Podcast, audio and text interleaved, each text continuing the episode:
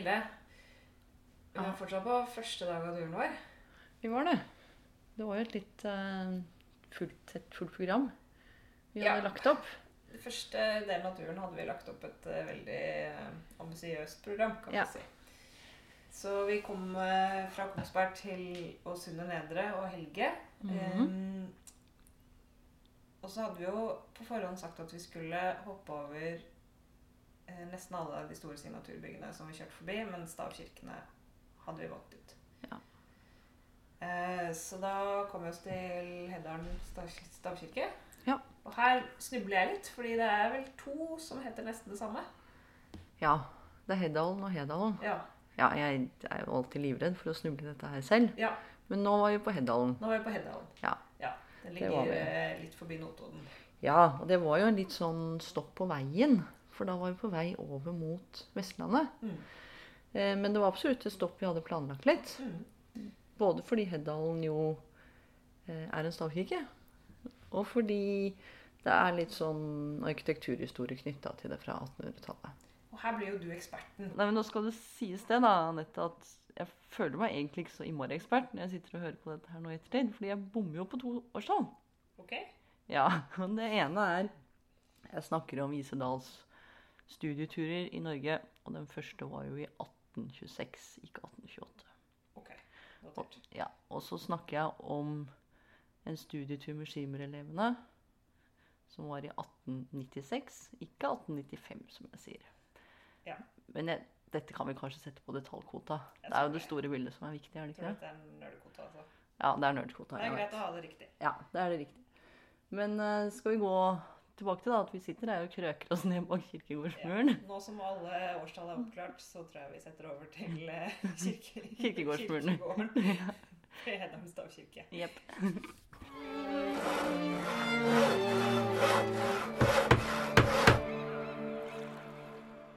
Nå sitter vi på kirkegård. På Heddal stavkirke. Stopp, stopp på veien. Vi måtte stoppe veien. Ja. Kan ikke kjøre forbi her.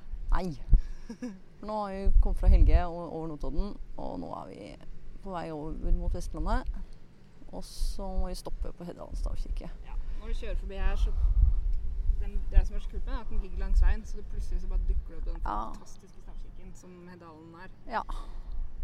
Og det er jo faktisk regna som vel den største. Oppført på 1200-tallet.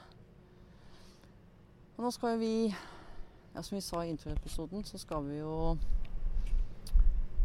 Det er jo mange sånne veldig sånn kjente kulturminner som vi hopper over. Men vi kommer jo ikke unna stavkirkene.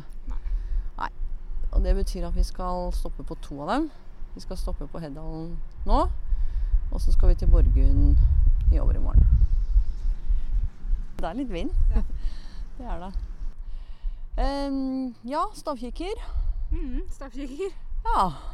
Fortidsminneforeningen. Dette burde Dette, dette, dette burde jeg kunne. du, altså Stavkirker i Norge i dag så har vi De er fra middelalderen, de fleste av dem. mm. Eh, nå har det jo vist seg at eh, Kvernes faktisk har fått en nyredatering den siste, som har kommet fram det siste året. Men stavkirkene er jo liksom noe av det fremste som er bevart fra middelalderen. Eh, man regner med at i Norge har det vært faktisk opp mot 1000 stavkirker. Mm. Så det har vært ganske mange. I dag er det 28. Og når du fleiper meg i stad og sier Fortidsminneforeningen og dette bør jeg kunne, det er jo helt sant. Fordi Fortidsminneforeningen faktisk eier åtte av landets stavkirker. Det var sånn, Jeg husker jeg fikk helt sånn jeg oppdaga det. var sånn, Hva er liksom kulturarv av denne dimensjonen? Da er det ikke staten som liksom har ansvaret for det. liksom. Ja. Ja, det er faktisk Fortidsminneforeningen. Men de er freda, da, så de er jo De er freda. Og det er ikke uten grunn at Fortidsminneforeningen har ansvar for dem. For det er jo fordi at det er jo Foreningen har jo stort sett tatt over disse de stavkirkene de har på slutten av 1800-tallet, og rett og slett redda dem da de sto i fare for å bli revet. De sto til forfalls. Så du kan si at stavkirkene er jo både viktig fordi de er stående minner fra middelalderen. Altså som, de er viktige både som bygg, men det er jo også viktig fordi det var egentlig her fortidsvernet i Norge starta. Det som vi i dag kaller kulturminnevern. Hvorfor, hvorfor er stavkirkene så viktige? Nei, altså, Vi får fortsette litt på den. Som jeg sa, det, man regner med at det har vært omkring 1000. Og så ble de revet eh, Forsvant mange av dem. Eh, Svartedauden, reformasjonen er deler av forklaringen. Men også så var det veldig mange som forsvant og sto til forfalls på 1800-tallet.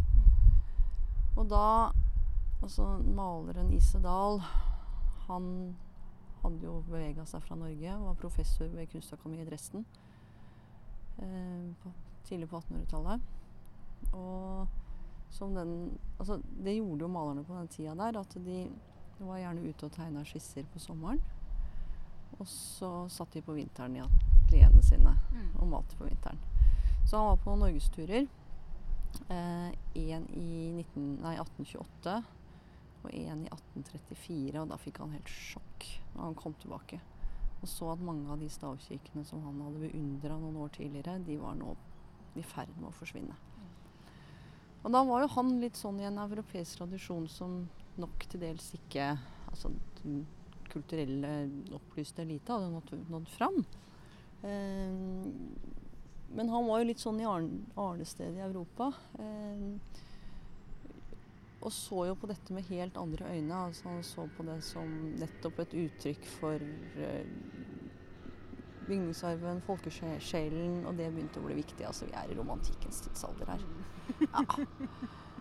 Så det han gjorde da, det var at han bestemte seg for å dokumentere eh, noen av stavkirkene. Sendte opp en av sine elever eh, med tegneblokk eh, som dokumenterte dem. Og så tok han initiativ til opprettelsen av, eller til stiftelsen av foren, Forening med lang, lange navnet, som jeg kaller den. Mhm. Forening til norske fortidsminnesmerkers bevaring. Jepp. Stifta 1844. Og den lever fortsatt i fullt velgående. Og det er jo da Fortidsminneforeningen. Mm. Men så kan du si stavkikker, da. Um, de er jo til dels like, men også ganske ulike. Altså, Heddalen er jo innmari flott. Ja. Med tre tårn og greier. Det er vel den eneste, tror jeg, som har tre tårn. Ja. Og de runde tårnene. Ja. Ehm, Ser ut som en sånn eventyrslott. og er nok eh, Den har nok vært gjennom en restaureringsprosess. Eh, de fleste har det. Ehm, men ikke sant, det som jo er felles, er jo en, at den moderne konstruksjonen eh, er en stavkonstruksjon. Mm. Og det betyr en konstruksjon i staver, stolper, som står ned på liksom en, en liggende svill, da, som, som bærer hele, hele bygget. Og så kunne man gjerne fylle inn med liksom tiler, altså panel og sånn hvor du gjerne også har en del eh, Kan ofte ha utskjæringer, dekorasjoner. Ja. De fleste stavkikkere er veldig små. Man blir overraska, det skal vi snakke med når vi kommer til Borgund. At, eh, at de er så små innvendig. Ja, for på bildet så ser borgen ganske stor ut. Ja. Men bare vent til vi kommer Ja. dit. Det blir spennende. Ja. Det, men noe sånn for meg Jeg har en litt sånn personlig tilknytning taktisk faktisk til Heddalen også. Nei, ikke personlig, men jeg har jo Altså jeg har en doktorgrad fra Arkitekthøgskolen. Og jeg har skrevet om tegneskole i Kristiania. Utdannelsen av norske arkitekter på slutten av 1800-tallet, begynnelsen av 1900-tallet. De hadde en veldig markant lærer. Det var arkitekt Herman Major Schirmer. Han tok med elevene sine på studietur rundt om i dalstrøka på Østlandet. Og det, da tok han med elevene med på tur. Gjerne dit jernbanen frakta dem. Dette skal vi snakke mer om seinere. Mm. Eh, men da fikk de oppgave, og så satt de og målte opp og tegnet, tegnet de byggene de kom til. Og her Altså, Heddalen het ikke Heddalen før. Den het Hitterdals stavkirke. Og her hadde han en studietur i 1895. Eh, hvor han tok med en del elever opp her. Jeg har sist, brukt de siste to åra egentlig til å forske litt på de kvinnelige skimmerelevene, for de var det overraskende mange av. Og dette var nok ganske tøffe damer. For de fikk jo Veldig mange av dem fikk jo jobber. Så de begynte å jobbe som arkitekter. Eller som veversker. Og på turen hit så hadde han, hadde han med fire av sine kvinnelige elever. Og tenk deg Nå legger vi vel ut på Instagram tegningen til en av dem. Ja. Eller egentlig to av dem, kanskje. Altså, her er både arkitekt Lilla Hansen, som regnes som virkelig en av de tidlige arkitektene, kvinnelige arkitektene i Norge.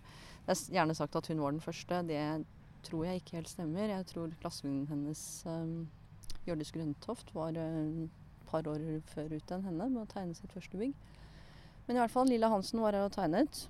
Anette Wiese var en annen av damene som var med og tegnet. Hun uh, giftet skirmer seg med etter hvert. 29 år yngre. Hei sann. Ja da. Uh, og jeg har jo en teori om at den Altså, de gifta seg ikke før i 1905, vel? Jeg tror den starta allerede her. Det kan nok være. Ja, dette har vært hyggelig. Det har vært kjempetrivelig. Ja. Og ikke bare lærer og elev gifta seg, men det var jo en, ganske mange av elevene som også giftet seg etter hvert. Ja. Og det tenker jeg litt sånn, altså ut fra Kristiania, satt igjen på en eller annen landsens jernbanestasjon her. Og disse, altså det fins jo fotografier, og de kvinnelige elevene de står jo med Det er jo smale liv og store skjørt. Lange skjørt, liksom. Mm. Det var ikke fjellreven og Nei. den. Men altså, det har jo vært en For et syn, liksom. Det er jo nesten så man kan se det for seg her. Sitte liksom i sola og tegne. Lurer på hva de tenkte. Det var fascinert. Ja. Og noen av dem var veldig målbevisste.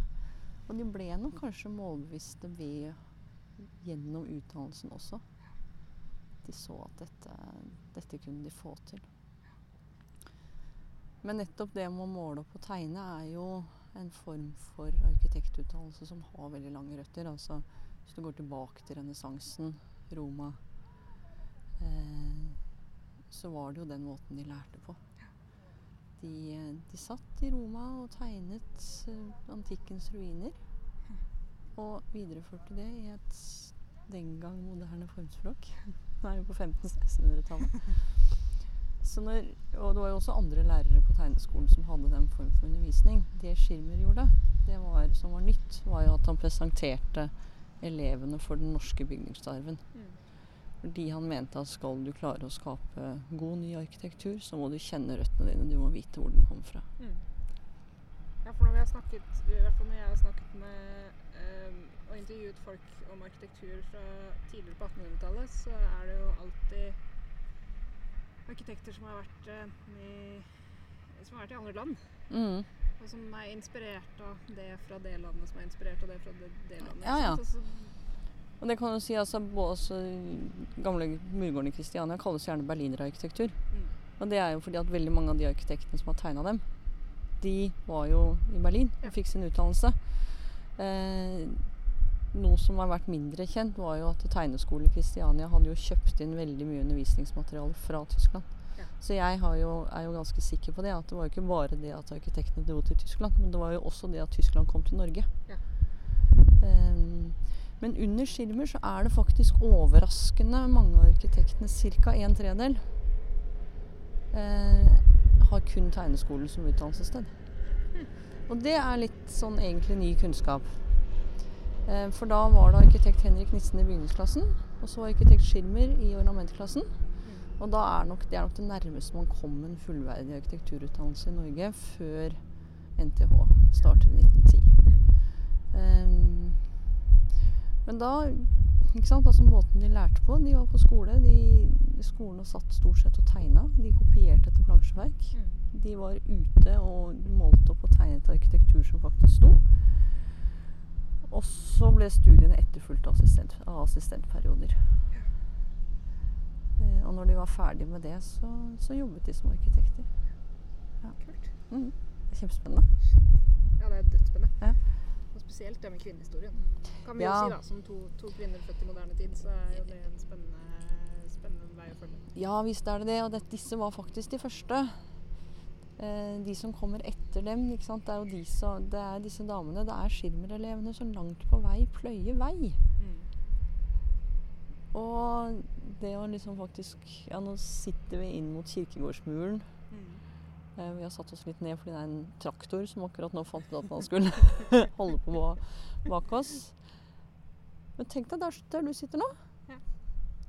Kanskje lille han Hansen satt der. Mest sannsynlig. Ja. De måtte vel tegne fra alle kanter, så Ja. Shit. Ja, det er kjempegøy. Og da blir det plutselig liksom historien så nære. Veldig. Ja. Tøffe damer. Kjempetøffe. Virkelig. Men nå skal vi komme oss videre. Ja, vi skal jo til Vestlandet i dag. Vi skal Hvis ferjeselskapet vil. Hvis ferjeselskapet vil, så skal vi videre til Ugdal. Ja, vi skal vi nå helt fram til Ugdal i dag. Vi må stoppe oss, så må vi kjøpe noen greier og lage middag på Primus. Ja. Eh, men dette var et fint stopp, Anette. Dette var et veldig fint stopp.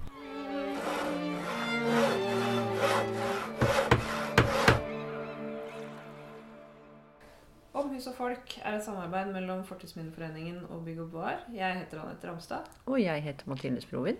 Følg neste episode der vi drar videre i Norges land på jakt etter spennende hus og folk. Neste stopp Det er Torstein og Ugdal Dampakker.